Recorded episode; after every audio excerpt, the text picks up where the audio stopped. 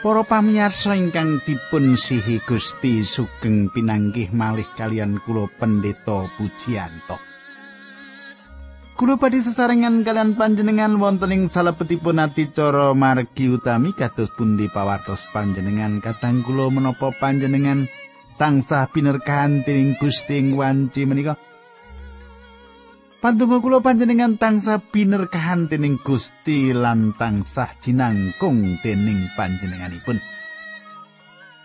Kula badhe sesarengan kalian panjenengan kadang kula pramila saking menika monggo nyaket kalian kula mriki sugeng midhangetaken adicara menika.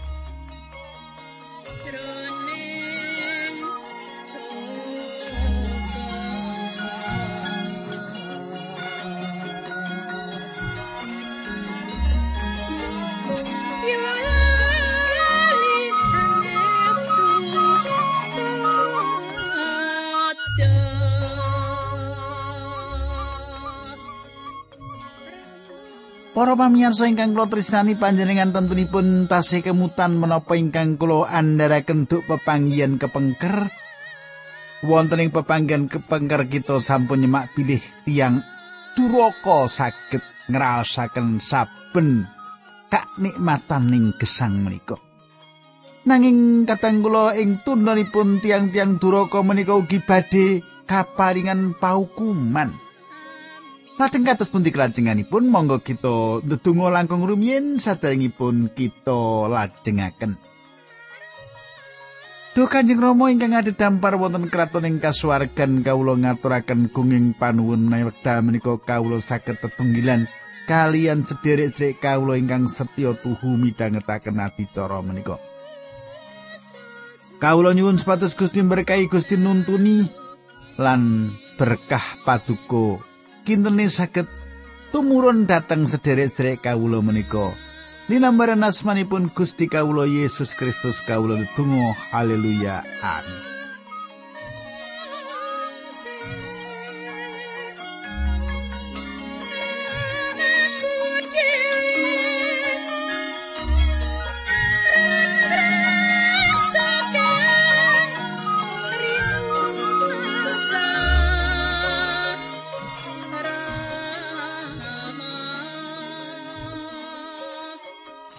Para pamirsa, pasinaon kita samenika sampun lumebet ing kitab Ayub kalih likur. Pasinaon kita lumebet ing kitab Ayub kalih likur, samenika kita dumuging babak kaping 3. Bapak menika ingkang kaping tiganipun tiang-tiang menika lumebet ing arena kangge nindakaken pertandingan secara intelektual lai kawruh. Ing mriki ingkang cawek dipun adepi Ayub inggih menika pertandingan kawruh pertandingan intelektual pertandingan kasukman. Saestu sagede ing antawisipun kita ingkang nate nderek tetandingan ing salebetipun pertandingan ing tingkat nasional. Nanging kita sedaya berjuang ing salebetipun pertandingan kasukman. Cupi panjenengan semak ayat setunggalan kalih Ayub bab rolikur Elipas sanjang makaten. Ing antarane manungsa jagat ora ana sing maidai marang Allah. Senadan luhur budine manungsa mung kanggo awake dhewe. Kadang kula Sipat saking pitakenan menika mratelaken bilih manungsa mboten badhe wonten ginanipun kunjuk Gusti Allah. Elipas gada pikiran beli Ayub atindak kados-kados Gusti Allah saged ugi nampi sawetawis kauntungan saking patrapipun. Lan menawi Gusti Allah mboten ngendhaleni piyambakipun badhe dados sanget dening kiyat kangginipun Gusti Allah. Bila Gusti Allah nahan Ayub malih awit kados makaten menika. Inggih. Ketingalipun Elipas lepat sasaran lan cetha piyambakipun boten saweg nglipur tiang ingkang ing wekdal menika boten mbetahaken pitulungan lan padang saking swarga. Pitakenanipun Elipas saged dipun trapaken dumateng sawetawis warga gereja. Ingkang kula tepang ingkang gadah pikiran tiang-tiang menika migunani kunjuk Gusti Allah. Saperangan tiang ketinggalipun gadah pikiran bilih tiang-tiang menika sampun ngaturaken sumbangan ingkang nyoto dumateng Gusti Allah ing jagat menika. Lan Gusti Allah radi untung gadah piyambakipun dados anggota timipun. Tiang-tiang menika ketinggalipun gadah pikiran bilih ing wekdal piyambakipun minggah dhateng swarga mangke, swarga tentu sampun kathah ewah gingsir awit menapa ingkang sampun dipun tindakaken tiang-tiang menika. Para pamirsa, kita perlu mangertos bilih manungsa mboten migunani kunjuk Gusti Allah. Gusti Yesus nyariosaken satunggalipun pasemon gegayutan peladusan lan panjenenganipun ngringkes ing Injil Lukas pitulas saya sedoso. Mengkono kowe. Yen kowe wis nglakoni kabeh sing didhawuhke marang kowe, kowe munio, aku iki mung abdi lumrah. Mung sadremo nglakoni kewajibanku. Ayat 3 Apa paedahe tumraping Allah yen kowe nglakoni kersane? Gunane apa kagem Allah yen uripmu sempurna? Kadang kula tiang-tiang menika ngraosaken radi mbebayani wonten ing pertahananipun Ayub. Perkawis menika badhe ketingal ngidapi-dapi lan nyoto ing salebetipun pasal ingkang ngajeng.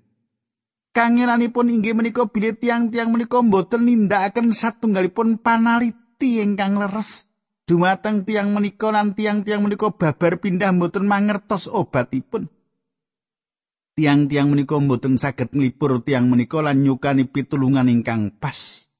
Kasunyatanipun inggih menika ayub nuntun tiang leres mboten dados jalanan Gusti Allah mlumpat kanthi kebak kabingan lan nguncalaken topinipun dhateng inggil. Kulo gadah rarasanan bilih kathah tiang ingkang ngakeni dados tiang Kristen ingkang sumindhih dumateng kegiatan badanipun piyambak kanthi mekaten sayektosipun tiang-tiang menika mboten pitados dumateng Gusti Allah. Kepareng kula nengenaken bilih kita mboten nyukani kabingan dumateng ingkang moho kuwaos awit kita sampun dados lari sekolah minggu ingkang sae lan nampeni pengaji awit tansah dateng ing dinten minggu. Kathah tiang gada penggali beli Gusti bingah sesambetan perkawis menika. Kula mboten sarujuk. Kita perlu mangertos sinten kita sakleresipun lan kita kedah mangertos angin kita gumantung sawetahipun dumateng Gusti. Kita saestu mbetahaken panjenenganipun. Kita kedah madosi panjenenganipun lan mboten kok mbudidaya supados menapa ingkang kita tindakaken. Kaanggep sae wonten ing ngarsanipun lan menika kita tindakaken kanthi kesagetan kita. Para pamirsa kita lajengaken ayat sekawan bab kali likur kitab Ayub. Ora mergo nggonmu wedi marang Allah kowe digugat lan dianggap salah. Kadang kula. Kita kedah mangertos bilih ing wekdal Gusti Allah paring pangandikan bilih Ayub sempurna. Menika ateges Ayub gadah sesambetan ingkang sae kalian Gusti Allah lumantar korban obaran ingkang dipun pisungssungaken. Kita mangertos ayub misungsungaken korban ubaran kangge sinten? Kangge lare-lare ini pun lan tentu kemawon Gusti Allah mboten ajrih urusan kalian ayub cetha. Ayub sawek ngadepi wekdal ingkang angel ing salebeting gesangipun. Kita lajengaken ayat gangsal 6 pitu bab kalih likur makaten surasipun.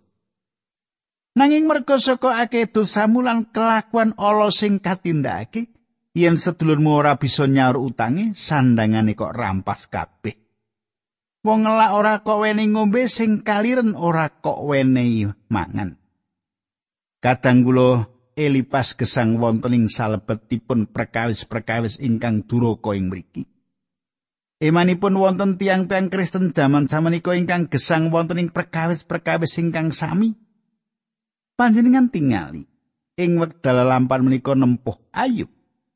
Perkawis menika dados jalaran kathah tiang ingkang sanjang. Aku ana pitakonan apa kang dumadi ing sadroning uripe. Awit tiang-tiang menika mboten saged nedahaken menapa kemawon gosip wiwit sumebat. Tiang wiwit nyukani jalaran-jalaranipun ing wekdal mboten dangu tiang-tiang menika saged damel selembar kain saking benang saler. Inggih menika ingkang dipun tindakaken Elipas. Piyambakipun sampun ndakwa Ayub atindak kados-kados Gusti Allah saged pikantuk kauntungan saking patrapipun ingkang sae. Samenika Elipas ningali sakiwa tengenipun lan sanjang dumateng Ayub bilih piyawonipun boten saged langkung ngidap-idapi malih. Para pamirsa, Elipas gadah pikiran bilih piyambakipun langkung sae sanjang dumateng Ayub samukawis ingkang adamel piyambakipun lepat. Piyambakipun gadah panginten boten wonten satunggal kemawon saking gesangipun Ayub ingkang leres. Menika gosip 100%. Nanging panjenengan semaing pandakwa pandakwanipun ingkang dipun tujuaken dumateng Ayub. Patra pinggang kados makaten menika boten mitulungi Ayub. Perkawis menika Adam Ayub mertahan Mboten kok nuntun Ayub kangge mbelani Gusti Allah. Patra menika Adam Ayub mbilo badanipun piyambak. Menika Ayub dados yakin bilih piyambakipun boten lepat saking samukawis pandakwa ingkang lepat menika. Pramila perkawis menika Adam piyambakipun gadah pikiran bilih Gusti Allah sampun tentu sampun nindakaken kalepatan lan wonten ingkang lepat kegayutan kalian Gusti. Menika salah satunggal pikiran kegayutan perkawis menika. pandakwa-pandakwa Elipas Adam Ayub mbelani badanipun piyambak kados makaten menika. Ayat 8 songo 10 11. Pangkat mulan pangwasamu kok enggo ngrampas kemahe wong kabeh. Para rondo ora kok tulungi malah bocah lolo kok aniaya. Mulane ing sakiwa tengenmu akeh kala jirit lan ora kenyono-nyono atimu dadi miris. Pepeteng nutupi pandelengmu nganti kowe ora weruh. kowe klelep ing banjir bandang sing hebat. Kadang kula Elipas ngringkes bilih inggih menika perkawis-perkawis ingkang dipun tindakaken Ayub. Lan samenika tembungipun medal. Piyambakipun terus ngemutaken Ayub bilih Gusti Allah nyerat sedaya perkawis menika. Ayat 12. Apa Gusti Allah ora dedalem ing swarga kang luhur sarta mirsani pangisor marang lintang-lintang sing dhuwur dhewe? para pamirsa. Panjenengan katasaken bilih sedaya alasan menika suminde ing pikiran bilih Ayub gadah dosa ingkang dipun dadosaken wadi ing gesangipun ingkang boten dipun mangertos sinten kemawon. Kajawi Gusti Allah lan samenika Gusti Allah urusan kalian piyambakipun ing salebetipun paukuman. Inggih menika keterangan atas penyakitipun lan sedaya lampan ingkang nempuh piyambakipun manut keterangan Elipas. Elipas gadah gagasan ayub nginten bilih Gusti Allah mboten mirsani menapa ingkang sawek dumados. Para pamirsa kita lajengaken ayat 13 ngantos 17 makaten surasipun ing basa pedinan. Nanging kowe takon panjenengane pirsa apa? Panjenengane kaling-kalingan mega lan ora bisa ngadili kita. Apa rumangsamu pamirsane ketutupan ing mega nalika tindak miyos sing watesing langit lan bumi? Apa kowe tetep arep ngambah dalan sing diambah dening wong duraka? Nyawane dipecat sadurunge tekan wektune mati, kentir ing banjir bandang sing nekani. Mengkono kuwi kaanane wong sing wani nampik marang Allah lan ngira yen Allah ora bisa males apa-apa. Kadang kula Menapa ingkang senat menika tansah dados satunggalipun alasan-alasan lami kados ingkang kita pirengaken ing wiwit-wiwitan. Elipas nyendhekaken samukawis sing sawetawis pengalaman ingkang dipun lampahi. Piyambakipun saged sanjang aku wis ndeleng uripe wong duraka. Ing mriki Elipas nawakaken pawartos kabinganing mriki nanging menika satunggalipun ingkang boten dipun petahaken Ayub. Awit Ayub gadah gegayutan ingkang sampun dipun tebus. Ayub saged sanjang. Aku sumrup yen juru selamatku gesang. Ayub 19 ayat selangkung. Para pamirsa kita lajengaken ayat selikur nggih. Saiki ayo rukuno meneh karo Allah. Supaya atimu tentrem, yen kuwi kok lakoni kuwi mesti ora bakal tuna. Kadang kula menika satunggalipun undangan ingkang ngidap-idapi nanging mboten saged dipun trapaken ing gesangipun Ayub. Menika kados kata undangan ingkang dipun sukaaken ing gereja-gereja jaman samenika Ing mriku lenggah pesamuan ingkang sampun dipun tebus paling boten tiang-tiang menika sampun mangertos menawi sampun dipun wilujengaken. Lan undangan kawilujengan sampun dipun sukaaken. Perkawis menika meh mboten wonten tegesipun ing salebetipun kahanan ingkang kados makaten menika lan meh-meh guyokaken. Ngaken ayub nampeni Sang Kristus sing wedal piyambakipun sampun nampi Sang Kristus mboten satunggalipun jawaban atas perkawisipun. Sumana marang panjenengan supaya kowe tentrem satunggalipun undangan ingkang endah lan satunggalipun undangan ingkang sae. Inggih menika satunggalipun undangan ingkang dipun paringaken dumateng kita. Gusti Yesus ngendika perkawis ingkang sami ing salebetipun perjanjian inggal ing Injil Matius 11 ayat 21. Padha mrene kowe sing padha sayah marga mikolabot, kowe bakal ndak parengake ngaso. Para pamirsa, Elipa sanjang pilih inggih menika cara kangge gadah tentrem rahayu Gusti Allah. Paulus meratelaken ing serat Rom. Rom kang saes tunggal. Saiki sarene kita wis dirukunake karo Gusti Allah merga percaya urip kita padha tentrem ana ing astani Gusti Allah lantaran Yesus Kristus Gusti kita. Kanthi mengkono kowe etok kauntungan. Ugi leres nanging kita ketak imut pilih kauntungan ateges menapa ingkang sae kangginipun kita. Kala-kala menika ateges disiplin ing wekdal kita mbetahaken kauntungan menika. Kula lajengaken ayat kalih likur lan tiga likur. Pitedai Allah tanpa nono, simpen ning atimu, meratobato marang Allah karo ngasorake atimu, leleno gawe piolo ing omahmu. Kadang kula panjenengan semak. Tiang-tiang menika nganggep kados-kados ayub menika mboten gadah kegayutan kalian Gusti Allah. Ayat 4 ngantos 6 likur. Emasmu sing ngaji dhewe buangen, uncalno ing dasaring kalimati, sing maha kuwasa kuwi dadi emasmu lan slakamu sing pengaji mulane kowe bakal tansah percaya marang Allah lan ngerti yen panjenengan kuwi sumbering kabejan para pamirsa mboten krasa kita samenika lumebet ing kitab Ayub bab 13 kitab Ayub bab 13 kula badhe maosaken ayat tunggal kali tiga makaten sanjangipun Ayub saiki pesambatku malih dadi nglawan marang Allah. Astane aku nganti aku sesambat syukur yen aku bisa ketemu karo panjenengani lan kabareng sebo ngarsani. Kadang kula Ayub gadah raos kangen sowaning ngarsanipun Gusti Allah. Satunggalipun bab ingkang endah menawi para mitranipun mangertos kados pundi nuntun dumateng ngarsa damparing sih rahmat. Piyambakipun boten betahaken satunggal dampar paukuman, piyambakipun sampun wonten ing mriku lan piyambakipun wonten ing papan ing pundi piyambakipun kenging disiplin.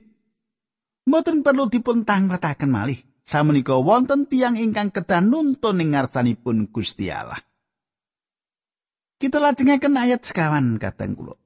perkaraku bakal ndak jlentrehake ngarsane lan lambeku bakal mbelani sak katoke. Kadang kula Ayub sanjang pilih piyambakipun gadah kekajengan sowan ngarsanipun Gusti Allah, awit piyambakipun gadah kekajengan mbelani badan piyambak. Mboten wonten tiyang satunggal kemawon ingkang saged sowan dumateng Gusti Allah kangge mbelani badan piyambak. Kita sedaya badhe sowan ngarsanipun Gusti Allah kangge akan badan kita lepat wonten ing ngarsanipun. Saben tiyang antasipun kita lepat, kita badhe manggihaken bilih medal ayub wonten ing ngarsanipun pangayunaning Allah, piyambakipun boten badhe mbelani badanipun piyambak. Piyambakipun badhe ngribah swantenipun babar pindah. Ayat gangsal. Aku kepengin ngerti apa sing bakal dingendikake lan kepriye paring wangsulani. Kadang kula ayub wonten pitakenan menapa ingkang badhe dipun ngendikaaken Gusti Allah dumateng piyambakipun. Ayub tanglet wonten pundi piyambakipun saged manggihaken Gusti Allah. Kula saged mesthekaken sinten kemawon ingkang gadah raos kangen dumateng Gusti Allah ing manahipun badhe manggihaken panjenenganipun. Gusti Allah badhe kepanggih kalian piyambakipun. Ayat 6 pitu lan songo. Apa panjenengan bakal ngempakake panguasane marang aku? Ora panjenengane mesti kersa miyarsake aturku. Aku ora keluputan lan kena mbelani perkara aku ing ngarsane lan aku bakal diputus bebas dening hakimku ing selawas-lawase. Gusti Allah ndak golek ing wetan kulon kidul lan lor nanging ana ing endi wae panjenengane ora ana, aku ora bisa nemokake. Kadang kula Gusti Allah mboten saged dipun panggihaken kanthi mlajeng mriku mlajeng mriki. Panjenenganipun wonten ing caketan kita langkung caket tinimbang lengan kita langkung caket saking napas kita. Panjenenganipun wonten ing sisih kita. Ayub canjang piyambakipun sampun mlajeng minggah mandap kalian budidaya kangge manggihaken Gusti Allah. Ayat doso nanging panjenengane pirsa paranku, iya sakai solah tingkahku saupama dilira kaya mas bakal ketara yen ati kursi. Kadang kula samenika wonten pletikan cahya ingkang madangi Ayub. Menapa panjenengan sampun manggihaken ing salebetipun manah panjenengan piyambak lan gesang panjenengan piyambak pilih kangilan badhe nyataken otot-otot iman panjenengan? Menapa sampun panjenengan manggihaken bilih pandadaran sampun nyukani panjenengan satunggal watek pantu moral ingkang dereng nate panjenengan gadahi saderengipun? Menapa panjenengan sampun ngraosaken kegiatan lan panglipuran saking Gusti Allah ing wekdal panjenengan ngadepi cobaning gesang? Panjenengan mangertos bilih Gusti Allah mboten nate paring janji. Bilih kita mboten badhe nglampahi katempo ing coban, nanging panjenenganipun paring janji bilih kita badhe dumugi ing papan ngaso. lan perkawis menika cekap sae kangge kita. Ayat 11 ngantos 12. Aku mbangun turut kanthi setya, durung tau aku nyimpang saka dalan sing ditedhaki. Dawu-dawi Allah tangsa ndak tetepi, kersane ndak turut dudu karepku sing ndak anut. Kadang kula Ayub gadah raos kangen dumateng pangandikanipun Gusti Allah lan cetha sampun bangun turut pucaran pangandikanipun Gusti Allah. Ing mriki sepindah malih Gusti Allah badhe mucalaken kita. Ayo mboten mangertos utawi mboten nafsiraken kanthi leres pangandikanipun Gusti Allah. Panjenengan mangertos pilih sawetawis pucalan ing salebeting pangandikanipun Gusti Allah mboten saged dipun mangertos kanthi nyinau. Perkawis-perkawis menika dipun sinau lumantar pengalaman. Kathah kayektosan Gusti Allah kedah dipun wucalaken dumateng kita kanthi cara ingkang kados makaten. Para pamirsa kula sigek semanten lumiyan dipun lajengaken sanes wekdal monggo kita ndedonga. Dukan ing Rama ing swarga kawula ngaturaken kuing panuwun nek wekdal menika kawula saged tetunggilan kalian derek kawula lan sinau lelampahanipun ayub. Dinambaran asmanipun Gusti Yesus Kristus berkah paduka kawula suwun dhumateng para putra paduka menika. Haleluya. Amin.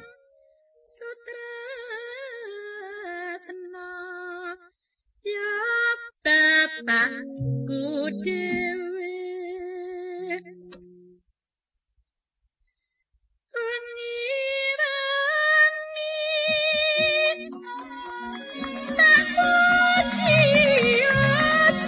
Yeah.